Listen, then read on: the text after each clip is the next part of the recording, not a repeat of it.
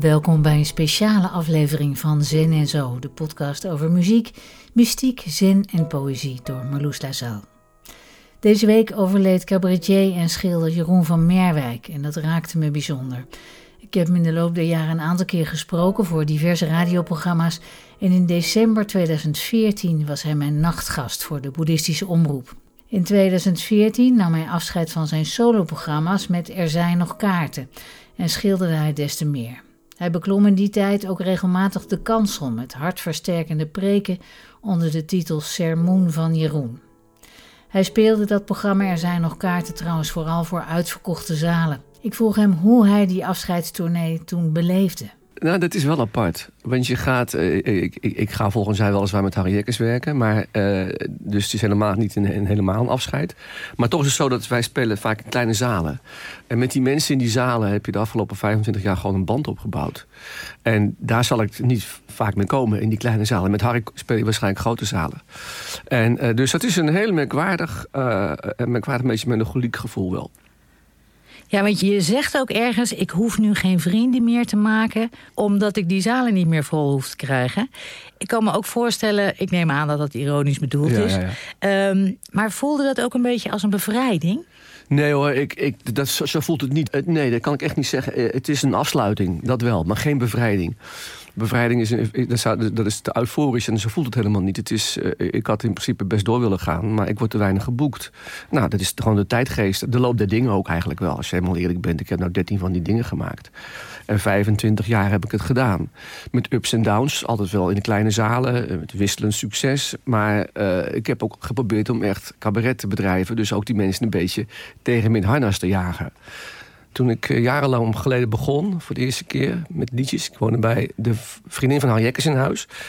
En Harry hoorde mijn liedjes. En hij zei, dat is, dat is uniek, dat ken ik helemaal niet in Nederland. Dus heeft hij voor mij een optreden geregeld in Zeezicht in Utrecht. Ik voor de pauze, hij na de pauze. En toen al, toen ik opkwam, toen hadden al veel mensen eh, een hekel aan me. En dat bleek na afloop. En Harry vond iedereen eigenlijk wel oké. En dat is voor een cabaretier eigenlijk best een goed eh, uitgangspunt. Als je in het begin het wantrouwen eh, met bakken tegelijk op het podium komt... dan kun je vanaf nul beginnen. En dat vind ik wel belangrijk bij een cabaretavond. Dat je, dat je dus niet met groot gejuich begint... maar gewoon dat ze een beetje op hun hoede zijn. Maar het lijkt me ook heel lastig. Want heb je niet, zeker in het begin, als je op een podium staat, ben je ook onzeker. Tot dan wil je heel graag dat de mensen je aardig vinden. Ja, dat is natuurlijk ook zo. Maar er is een rare mengeling tussen. Als je, moet je, je moet een soort sympathie hebben. Ze moeten benieuwd zijn naar wat je te vertellen hebt. Eh, dat heb ik gelukkig wel. Ze denken, nou, het zal hem wel zijn. Je hebt zo'n enorme drive om mensen iets te leren, heb ik het idee. Wat, wat is dat precies? Uh, ja, dat is inderdaad wel waar. Dat, dat, ik wil inzicht geven. En dat, dat, dat, dat is mijn taak, vind ik eigenlijk wel. Ik ben bovengemiddeld intelligent, denk ik. En, en, en ik kan formuleren. Dus dan, ja, dan moet je daar iets mee doen. Zo zie ik het. En dat is je functie in de, in, in de wereld. Dus ik probeer mensen te, te laten zien dat niet alles is zoals zij denken dat het is. Dus ik heb in mijn programma nu een liedje bijvoorbeeld... ik geloof in goed bedacht. En niet zozeer in de feiten. Ik geloof meer dat de waarheid, de, past, de echte waarheid... pas te vinden is in iets bedachts als je Tolstoy leest, of je leest Reven, of je, leest, uh, of je luistert naar muziek... dan hoort, is daar een soort, klinkt daar een soort waarheid in door, of werkelijkheid in door... Die, uh, die veel dieper gaat dan wat je om je heen ziet. En dus dan schrijf ik een liedje, ik geloof in goed bedacht. En ik heb een liedje over geloof. Kijk, geloof is nogal uit in, mijn omgeving. Dus dan ga ik bedenken waarom je ook zou kunnen geloven. En daar heb ik liedje geschreven. Eh, als God iets het heeft geschapen, maak het dan, dan minder mooi. Dus kijk, je, je kijkt om je heen en je ziet alles. En dan uh, heb je mensen... Ik ken mensen die geloven alleen maar in, in, in de wetenschap en in, en in de feiten. En ik, het maakt mij niet zoveel uit of, of het nou bedacht is door God... of dat het een evolutie is. Ik, ik zie het verschil niet zo. En nou, dan maak je zo'n liedje en dan weet je dat mensen daarover na gaan denken. Tenminste, dat hoop je. En dat is, dat is wat ik probeer te doen op een podium. Je schreef ook een liedje voor je laatste programma. Ik radicaliseer. En daarin schrijf je... Ik was de vleesgeworden boeddha, maar dat ben ik nu niet meer. De maat is vol, ik ben het zat, ik radicaliseer. Ja. Hoe zit dat met die boeddha in jou? Nou, dat is natuurlijk. De Boeddha is in dit geval als een, weet het, als een, een, iemand die immuun is voor alles. Dus dat dit alles last, last zich heen laat glijden. Dat is de oh, Boeddha. Zie je zo, dat zo? Zo zie ik hem in dit liedje. De vlees geworden Boeddha. Iemand die voorkomen uh, stoïcijns uh, het leven over zich heen laat komen. Je kunt je natuurlijk aan heel veel dingen ergeren in deze wereld. Het is niet altijd makkelijk om een Boeddha te zijn. En als cabaretier is het sowieso niet handig om een Boeddha te zijn. Dan moet je juist. En ik leek mij leuk om het niet te maken over radicaliseren. Maar een ander soort radicaliseren dan moslimradicalisatie. En dat heb ik dus op deze manier gedaan. Dus dat probeer, je probeert ook de, de actualiteit in iets algemeens te krijgen. Dat is ook wel een van de trucs van een cabaretier. Maar je zegt net, ja, de, de Boeddha laat alles van zich afglijden. Is dat hoe jij ook, hè, afgezien van deze toch ook ironisch bedoelde cabarettekst... Ja, ja, ja, eh, zie jij Boeddha ook zo? Als iemand die uh, een beetje stoïcijns voor zich uit Ja, ik, ik, ik, heb wel het gevoel dat daar een zeker stoïcisme bij komt kijken. Als je al die neiging hebt om zo te denken. Want Boeddha, ik denk niet in termen van Boeddha op zichzelf. Ik heb, ben katholiek opgevoed. Ik, ik denk in termen van, van God, als ik al over nadenk. En, uh, maar ik moet zeggen dat dat hele boeddhisme heeft wel leuke kanten. En een van die kanten vind ik wel mooi. Zo iemand tussen zitten en die denkt, nou ja, laat maar komen. Zo zie ik het toch wel. En naarmate hij ouder wordt, is mijn ervaring ook wel dat dat meer gebeurt. Dus dat je wat minder druk maakt over alles. En wat meer over bepaalde dingen. Dat is in principe een soort van stoïcisme. Ja? Ja, geloof ik wel. Ja, ja, jij ziet dat zo. Ja, zo zie ik het wel. Ja. ja. Ja, wat, wat interessant. Omdat in, in boeddhisme mensen juist erg bezig gaan hè, met wat, wat er in zichzelf afspeelt. En, ja, maar dat is, dat is ook daarnaar gaan kijken. Dat vind ik ook de minst interessante kant van het boeddhisme eigenlijk. Ik vind, minst interessant? Ja, ja, ja, ik vind het heel vaak heel van navelstarig is. Terwijl het volgens mij gaat het juist net om om buiten jezelf te treden en niet in jezelf te kijken, maar buiten jezelf te kijken. En, en het, het, het, gaat, gewoon, dacht ik ook, om steeds nieuwe levens krijgen en op een gegeven moment onthechten en verlicht te raken. Dat is toch het, het hele idee erachter. En uh, dat, uh, volgens mij bereik dat niet door ontzettend naar je navel te gaan staren. Nee, niet door fysiek naar je navel te staren, maar misschien wel door met een grote regelmaat naar binnen te kijken. Mm. Want je zei al even, jouw religieuze achtergrond uh, is het katholicisme. Ja. Hoe ging dat vroeger bij jullie thuis eigenlijk? Moesten jullie echt op zondag naar de kerk? Ja, op zondag naar de kerk. Dat was eigenlijk het enige hoor. En ik zat op een katholieke school. En dus heb ik geen godsdienstles en zo. dus ik, ben, ik heb het hele pakket van meegekregen tot mijn twaalfde. Ik ben nog gevormd. Maar uh, dat heb ik allemaal nog netjes meegemaakt. Maar daarna zijn we verhuisd. Daar zijn we nooit meer naar de kerk gegaan.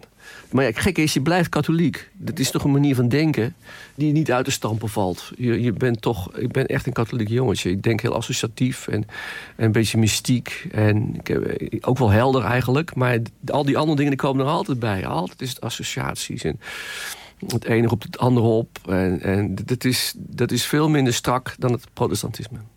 En hoe inspireert dat katholieke geloof jou nu nog? Nou, dat zou ik niet weten, niet letterlijk. Maar uh, ik ben schilder ook. En uh, in mijn schilderijen, daar zie je dat ook wel terug. Er, er, komen nog kruisigingen in voor. Ja, die hele beeldentaal zit er ook nog helemaal in. En ik heb ook sterk de neiging om helden eh, van, mij... Of, of, mensen die, die ik hoog acht in die schilderijen te zetten. Dus Lou Reed, Johnny Cash, al, Maarten van Roosendaal onlangs... omdat hij overleden is en een vriend van me was... En op die manier de zaak toch ook een beetje te verwerken. En ik hou ook heel erg van de oude middeleeuwse schilderkunst. Waarin je ook vaak dingen ziet die je helemaal niet snapt. Want je kent die heilige helemaal niet meer. En het zijn vaak beschrijvingen van, van levens, van heiligen. Ja, maar dit zijn prachtige schilderijen. En overal is wat te zien, hou ik ook van. Ik vind het leuk als, als op een schilderij heel veel te zien is. Dus ik heb een grote neiging tot die middeleeuwse kunst. Maar je kan natuurlijk niet met droge ogen dat die dingen naast te schilderen. Dat, dat, de andere tijd leven nu. Dus ik heb geprobeerd de stripcultuur, de, de moderne kunst te gebruiken... om een ander verhaal te vertellen. Maar wel helemaal geënt op die middeleeuwse kunst. Nu zeg je dat de religie uh, uh, ook terugkomt in je beeldende werk. Maar is het bijvoorbeeld ook nog een bron van troost? Nee, nee, Bijvoorbeeld nee. nu, he, naar aanleiding van jouw goede vriend en collega Maarten van Roosendaal... is nu een jaar geleden overleden. Ja. Heb je dan op dat soort momenten iets aan je geloof? Nee, dat geloof ik niet. Ik, ik, nee, want, want ik geloof ook niet, niet in letterlijke zin. Ik geloof niet in een god. Ik vind het ook niet zo belangrijk als je maar goed mens bent. Dat is eigenlijk het enige wat mij interesseert. Ik denk dat God in onszelf zit. En als je jezelf op, op je sterfbed eh, recht in de ogen kunt kijken... en zegt, nou, ik heb er van gemaakt wat ik ervan kon maken... en ik heb gedaan wat ik kon doen, dan lijkt het mij oké. Ik heb geen verwachting over een hiernamaals. Maar eh, dat, ik, ik, nogmaals, ik weet het niet. Nee, geen verwachtingen, maar zou er iets kunnen zijn? Nou, als je, als je ervan uitgaat dat alles energie is... en dat is natuurlijk wat zo is, dat alles elektriciteit is... dan kan het niet zo zijn dat je weg bent helemaal. Want dat, er gaat niks vanaf, er komt niks bij. Dus in principe moet het, moet, moet het ergens heen, die energie. En waar het is, dat maar God weet. Ik heb geen flauw idee. En hoe het eruit ziet, weet ik ook niet. Of, of, je, daar, of je daar besef op hebt, weet ik ook niet. Maar hele, het is denk ik wel logisch om te veronderstellen... dat die energie die je bent, dat die zich op andere manier uh, voortzet. Maar je denkt bijvoorbeeld niet dat je als jij zelf overlijdt, je vader terug gaat zien? Nee, ik zou het wel erg leuk vinden. En je kunt erover filosoferen. Dat gaat natuurlijk heel veel kunst gaat daarover over eh, het idee dat het zo is. Dat is eigenlijk het diepste wezen van heel veel kunst. En ik denk niet dat heel veel mensen dat letterlijk denken. Maar het is toch leuk om je te beseffen dat wat vorig jaar is Peter Vos overleden. Dat hij dan toch aan de tafel zit met Rembrandt. En dat Rembrandt zegt, oh Peter, goed dat je er bent. Joh. Kom, kom, kom, kom naast me zitten, want je bent net zo goed als ik. Dat, dat is altijd wel leuk. Dus je kunt, het, het, het levert heel veel uh, poëzie op. En dat is natuurlijk met, met alle poëzie. Kijk, met God is het net als met poëzie. Het bestaat niet. Het, het zou kunnen zijn. Poëzie, dat weet je, dat bestaat, het weegt niks. Je kan nergens poëzie kopen. Je kan je naar een winkel gaan en zeggen, doe mij een kilo poëzie. Maar iedereen heeft de, heeft de... Maar hoe bedoel je dat? Je kan toch eh, letterlijk dichtbundels kopen? Ja, maar dat is nog, je kunt niet nergens uh, iets, iets kopen waardoor je poëzie kunt maken. Dus je kunt niet een, een, kilo liefde kopen ook.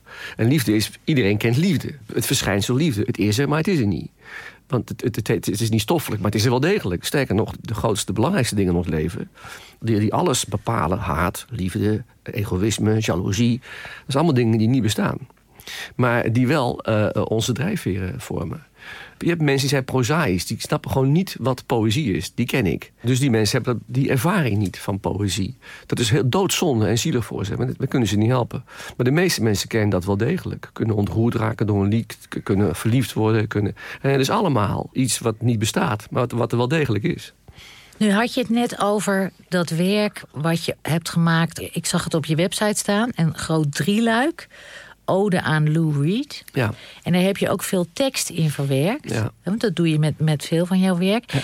Ken je zo een fragment uit een tekst van Lou Reed... wat je in dat schilderij hebt verwerkt? Nou, ik ken nogal wat teksten van Lou Reed uit mijn hoofd. Ik heb ook als een tekst, dus ik schrijf het meestal over... want ik wil het allemaal goed doen. Het is ook heel goed om dingen over te schrijven. Hè? Want als je het overschrijft, dan komt het veel beter bij je binnen. En je onthoudt het ook beter. Wat is voor jou de mooiste zin van Lou Reed? First came fire, then came light, then came feeling, then came sight. Die kreeg hij een keer binnen. En dat gebeurt met, heb ik zelf ook vaak. Dat je een zin binnenkrijgt. En van waaruit je gaat schrijven. Het is een prachtige zin. Het is een, een eindzin, het is niet een beginzin. Het is een conclusieachtige zin. Ik vind het ook belangrijk om teksten uit je hoofd te kennen. Ik word nog wel eens gevraagd om, les te geven. Liedjes, liedjes schrijven. En ik zeg altijd, nou, dat is niet nodig. Je moet gewoon uh, 30 gedichten uit je hoofd kennen. En 20 liedjes die je goed vindt. En dan ga je schrijven en dan ga je kijken of wat jij hebt gemaakt even goed is als hetgene wat je bewondert. En dat is meestal natuurlijk niet zo. En dan ga je net lang door tot het wel zo is. En dan heb je een goed lied geschreven. Dus je kunt het eigenlijk je kan het niet van een ander leren, je moet het jezelf leren. Kan jij een werk van jou beschrijven? Kijk, eh, wat er op, op een schilderij staat is in wezen niet zo belangrijk. Een schilderij gaat om kleur, compositie, uh, vorm en uh, materiaal. Dat laatste is ook heel belangrijk aan een schilderij. Dat je, een goed schilderij, daar moet je aan willen zitten. De tactiele kant van een schilderij is heel belangrijk. Er zijn schilders die op reproductie heel goed zijn... maar als je ze live ziet, die schilderijen, vallen ze tegen. Omdat de verf er niet lekker op zit. En eh, dat zijn eigenlijk de vier criteria waar ik naar kijk als schilder. En uh, dus ik hoop dat mijn schilderijen ook als abstractie interessant zijn. Dat je er langs loopt en je denkt, hé, hey, wat een kleur, wat interessant, wat, wat, wat, wat gebeurt er allemaal? Wat, uh, het is wel lekker gefriebel. En, uh, oh, kijk, er is nog een Lou Reed ook. En dat, dat, je dat pas later ziet. Dat je eerst door de compositie, door het materiaal en door de kleur... Kleur is ook heel belangrijk natuurlijk. Want het eerste wat je ziet is kleur in een schilderij. En ik, ik heb eens een keer bij Ingres geweest. De, Franse schilder Ingres, begin 19e eeuw eind 18e eeuw eigenlijk. Die had 30 schilderijen in, in de National Gallery in Londen hingen 30 schilderijen. En elk schilderij was een klap voor je kop. Door de kleur. Dat was zo goed. Zo ontzettend. En is het eerste wat je ziet, is toch die kleur. Een stomp in je maag. Voor een schilder is dat een stomp in je, in je maag. En daarna ga je kijken hoe het geschilderd is. En hoe, hoe de uitdrukking op de kop is. En hoe, hoe fijn het allemaal gemaakt is. En dan, dan, dan kom je nog steeds bij hem nog steeds in grandioze werelden terecht. Maar het eerste is toch die kleur. Ja, want je zegt ook dat je op de academie, de Koninklijke Academie van Beeldende Kunst in Den Haag, waar jij bent afgestudeerd, dat je daar hebt leren kijken. Hoe, hoe kijk jij? Hoe kijkt een kunstenaarsoog anders dan, dan het mijne bijvoorbeeld? Nou, het is letterlijk leren kijken. Dus, dus je, je, heel veel mensen die gaan tekenen, bijvoorbeeld, die tekenen wat ze weten dat er is, maar niet wat ze zien. Dus als je een, een kop op drie kwart ziet, dan kan je nooit het ene oor zien, maar je weet dat het er is. Dus heel veel mensen tekenen dat oor dan toch nog bij. Dat is, dat is dus tekenen wat je weet, niet wat je ziet. En het is heel erg moeilijk om alleen maar datgene te schilderen wat je ziet. Dus een klinisch kijken. En daarna eh, kan je gaan zien. Daarna kan je uh, met wat je hebt bekeken iets gaan doen. Uh, dan krijg je dus het koptekenen. Ik vond koptekenen heel leuk. Dat vindt niet iedereen leuk, portret tekenen. Ik had een vriend en zaten met z'n tweeën te tekenen. Met één model. En dan leek die tekening van mij leek op het model. En die tekening van hem leek op het model. Maar ze leken niet op elkaar, die tekeningen. Dus we zagen allebei iets anders in die kop. We haalden allebei iets anders uit. En dat is, dat is het fascinerende van, uh, van, van kunstenaar zijn. Dat je dus uh, de werkelijkheid allemaal anders ziet. Dat is erg grappig. Nu werk jij veel in je atelier in Frankrijk, begreep ik. -huh. kan, kan, je beschrijven, wat is dat voor plek? Nou, dat is een oude smederij heel, uh, er ligt een betonnen, betonnen laag op. Daar heb ik nieuwe ruiten ingezet. Het is heel stoffig, heel stoffig. Er zijn overal schilderijen. Het is een beetje een chaotische plek. En dan heb ik daar middenin staat een tafel. En daar zit ik, ik werk altijd platte vlak, dus ik werk zelden aan, aan een ezel meer. Vroeger wel, maar ik werk met, uh, meestal met, met acrylaten, met inkten. Dus dan moet je op platte vlak werken, anders loopt het weg. Nou, dan zit ik daar gewoon, dan ga ik s ochtends naar binnen en dan uh, begin ik om een uur of acht en tot, nou, tot een uur of zes. Acht uur morgens zit je al ja, in je atelier? Wel. Ja, en dan, nou, dan zit ik tot een uur, zo, een uur of tien te werken. En, en dan, uh, dan neem ik een borrel. Om, om uit de concentratie te komen. Maar dat zijn heerlijke dagen, want je, kijk, een schilder is in de hemel. Uh, dat is niet uit te leggen aan mensen die niet, geen kunstenaar zijn. Maar als je daar aan het werk bent, het is, het is zo'n fascinerend werk... dat je ook altijd benieuwd bent wat er gaat gebeuren. Omdat je, uh, een schilderij maakt zichzelf als het ware. En je bent er zelf bij, je, je, maakt het letterlijk, maak jij het. Maar een schilderij maakt zichzelf en je herkent ook een schilderij. Dus je weet ook, het is af als je weet, het is af. Het is, het is niet een letterlijke zin af, want heel veel mensen gaan het dan weer afmaken... en dan wordt het weer saai. Je moet eigenlijk ophouden op het moment dat je denkt, nu is het af. En dan is het niet af, maar wel af. Dus al, alle goede kunst is niet af. Want je moet ook als kijker nog uh, iets aan toe kunnen voegen. Kijk, een auto die, die, die uit een uh, fabriek komt, die is af. Dat is alles op en aan. Daar, zijn, daar is een ontwerp voor, maar voor een schilderij is geen ontwerp. Dus je bent je eigen ontwerper. En je eigen maken en je eigen beoordelen. En dat is knap lastig. Dat, maar, en heel fascinerend. En dan ben je in de hemel, zei je Ja, dan ben je in de hemel. De, de, die concentratie is zo heerlijk. En eh, ik zet een muziekje op en ja, voor je het weet is die tien uur voorbij. Het is natuurlijk werk, het is in letterlijke zin werk. Maar het is het mooiste werk wat er is. Dus het, eh, het voelt niet als werk. En je hebt ook gezegd, in mijn beeldende kunst hoef ik niks te beweren. Mm. Hoe zit dat precies? Nou, dat is, natuurlijk met, dat is het nadeel van cabaretier zijn. Dat je, kijk, ik schrijf ook liedjes die nergens over gaan. Dat vind ik ook heel, heel wezenlijk dat dat er ook in zit. Gewoon stomme liedjes. Ik hou ontzettend van stomme liedjes.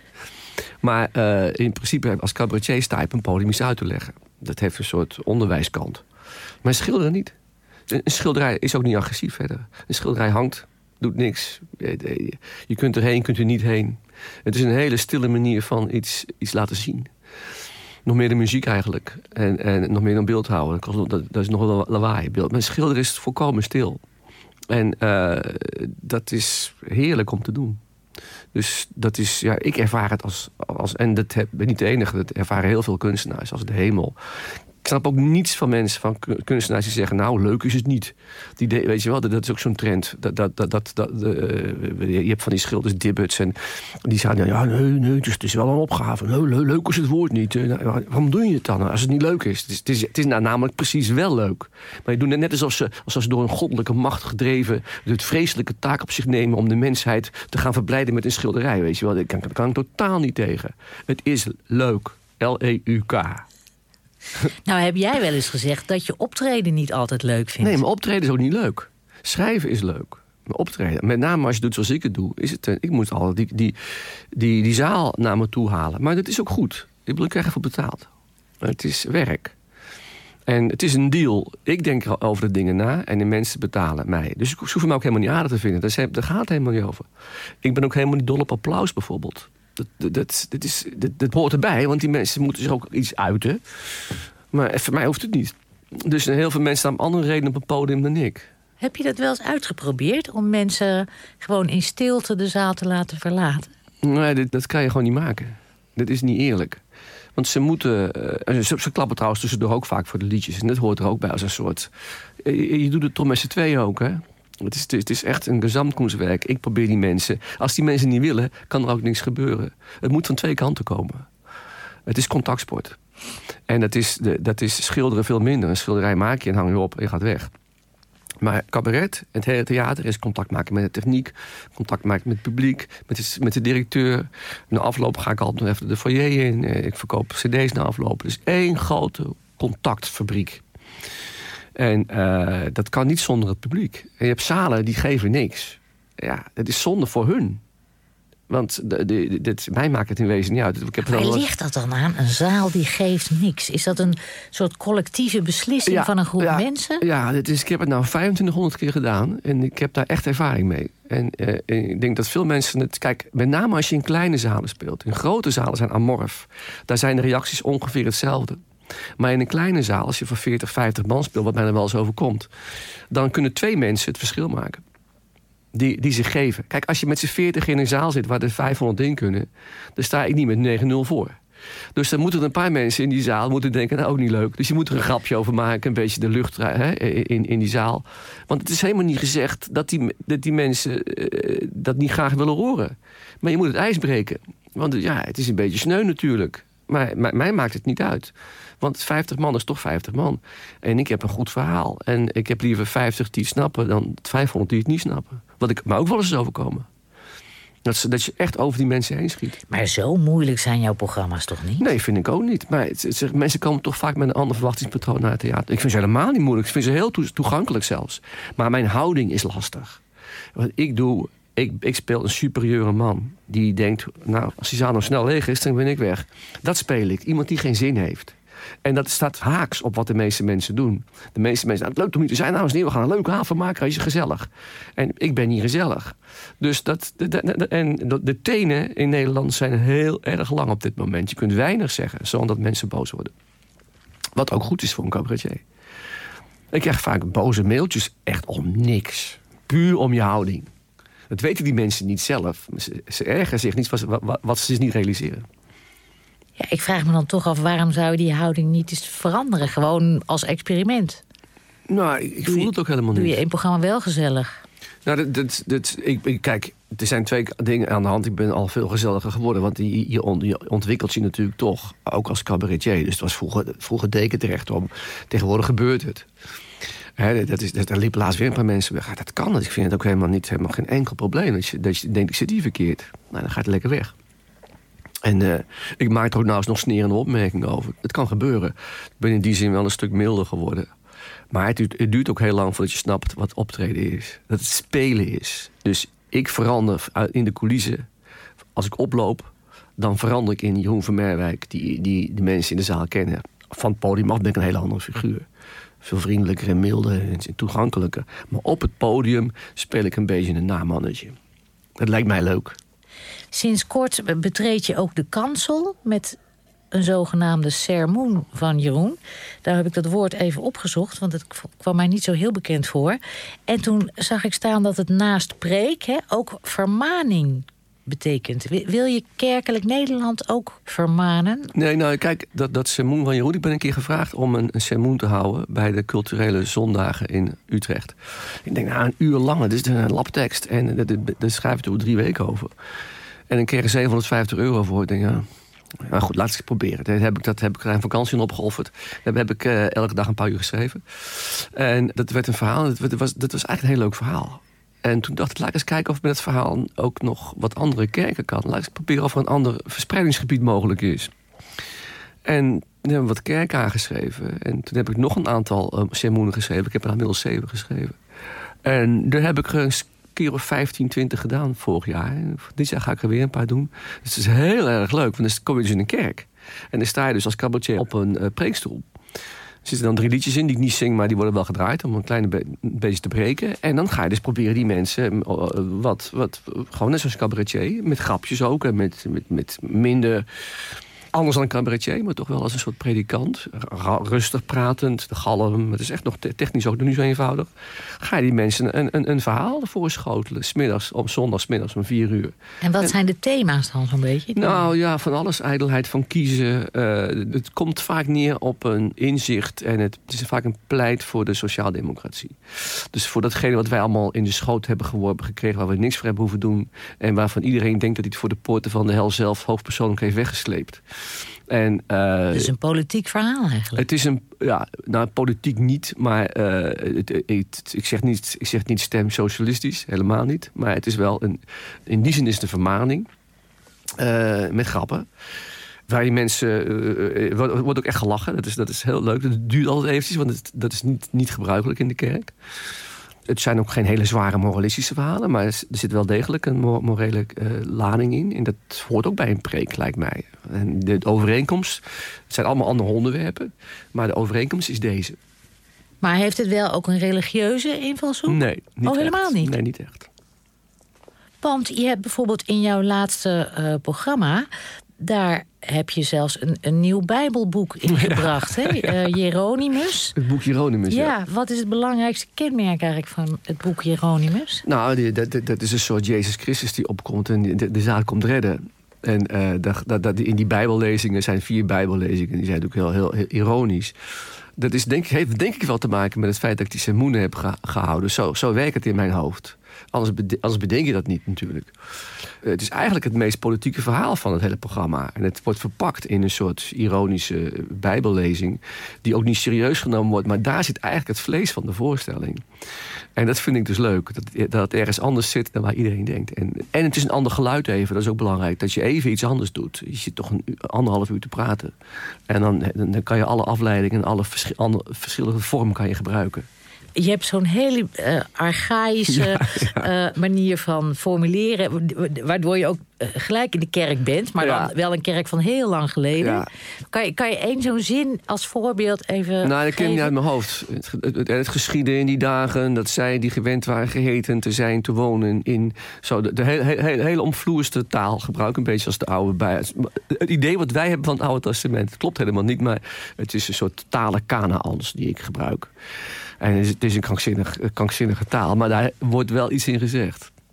Maar nu was je wel, hè, want je hebt, dat is alweer een tijdje geleden, ook de Judaspassie, uh, ja, het libretto ja, voorgeschreven. Uh, wat Egon Kracht op uh, muziek heeft gezet.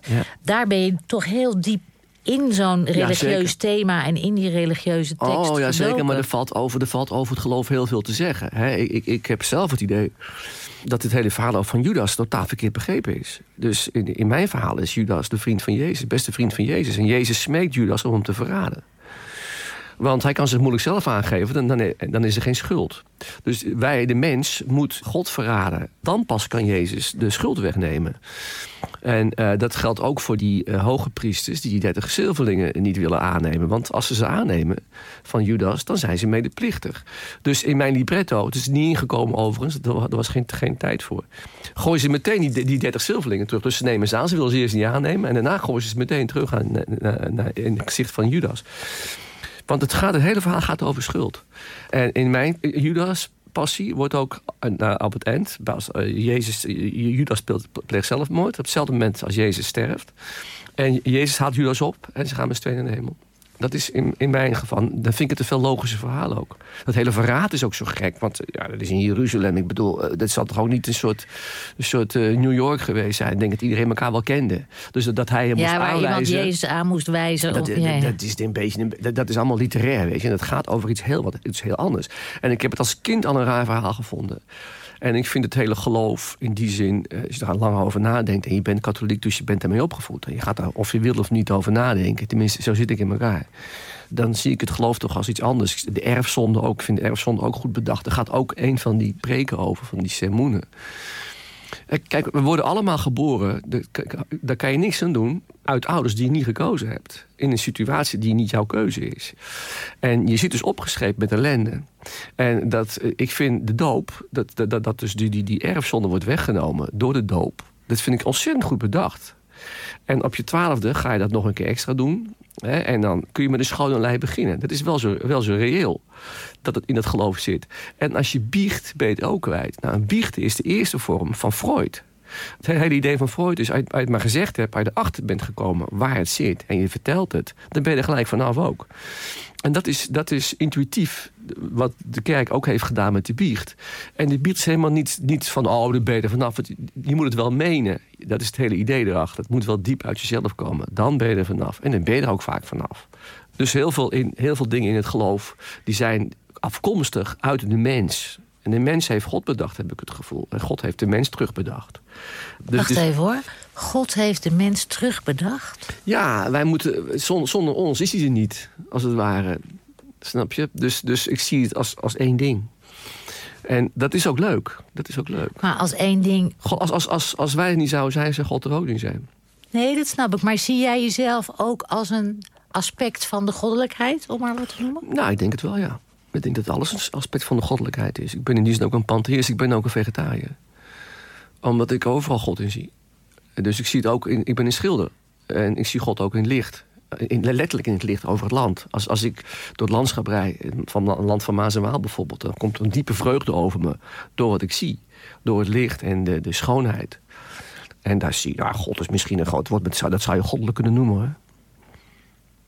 Ik vind van die fijne zinnen, daar word ik dan helemaal stil van. um, nu word je volgend jaar 60. En je bent ontzettend productief, hè? Je schrijft, je schrijft columns. Je bent nu nog met je laatste solovoorstelling bezig. Je hebt ook alweer met een nieuwe project met Harry Jekkers. Je schildert. Je hebt nu ook een expositie in Maastricht op dit moment. Mag jij ook wel eens achterover leunen en niets doen van jezelf? Nou, daar ben ik niet zo goed in. Daar ben ik niet zo goed maar dan vervel ik me ook gauw. Ik zit er natuurlijk ook over na te denken waar, hoe het nou komt. Die krankzinnige uh, dadendrang. En uh, ik, ik, ervaar het overigens niet zo. Ik, ik, ik ervaar optreden als werk. Maar ik ervaar schilderen niet als werk. En liedjes schrijven eigenlijk ook niet. En dat gaat ook vaak heel rustig. Dus ik zit er vaak als ik aan het schilderen ben te schrijven... dat gaat dan gelijk op. Dat is één bron toch. En het is hartstikke leuk om een liedje te schrijven. Dat, dat is, het is zo spannend. En er is eigenlijk niks leukers dan dat. En er is ook niks leukers dan een schilderij maken. Waarom zou je het niet doen? En een column schrijven is ook hartstikke leuk. Dus, uh, en het gaat, ik schrijf die dingen snel. Ik schrijf een column, nou, de, daar, daar nou eens een uur over doen. Dan is het denk ik wel gebeurd. Want ik begin altijd, als ik, een, als ik een idee heb, en dan ga ik pas schrijven. Dus we hoeven nog geen uh, sabbatical te verwachten van Jeroen van Meerwijk. Nee, dat zou, ik zou niet weten waarom. Het is eigenlijk een keer zo moe. Ben, je wordt wel moe. Dat merk je wel, dat je ouder wordt. Dus je, maar ik heb een productie, die is nog steeds krankzinnig. En, en dat wordt niet minder. En ik, ja, waarom, zou ik het, waarom zou ik het niet doen, weet je? Omdat het, het, is een beetje veel, dat geef ik toe. En misschien wel iets te veel. Maar ja, ik heb het, het is allemaal goed spul, vind ik. Dus ja, we, we kijken wel waar het schip. En als het dan een keer stopt, dan is het ook niet erg. Wat zou jij tot slot onze luisteraars mee willen geven deze nacht? Ga lekker schilderen. Ik kan het iedereen aanraden. Het is het mooiste wat er is. Dankjewel.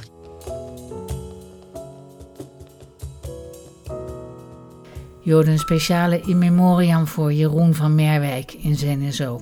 Dit gesprek werd eerder uitgezonden door de Boeddhistische Omroep op Radio 5 in december 2014. Volgende week staat er weer een nieuwe reguliere Zen en Zo online. En dan is mijn gast ecoloog, zenleraar, schrijver en begeleider van spirituele reizen Maarten Oldhoff. Graag tot dan.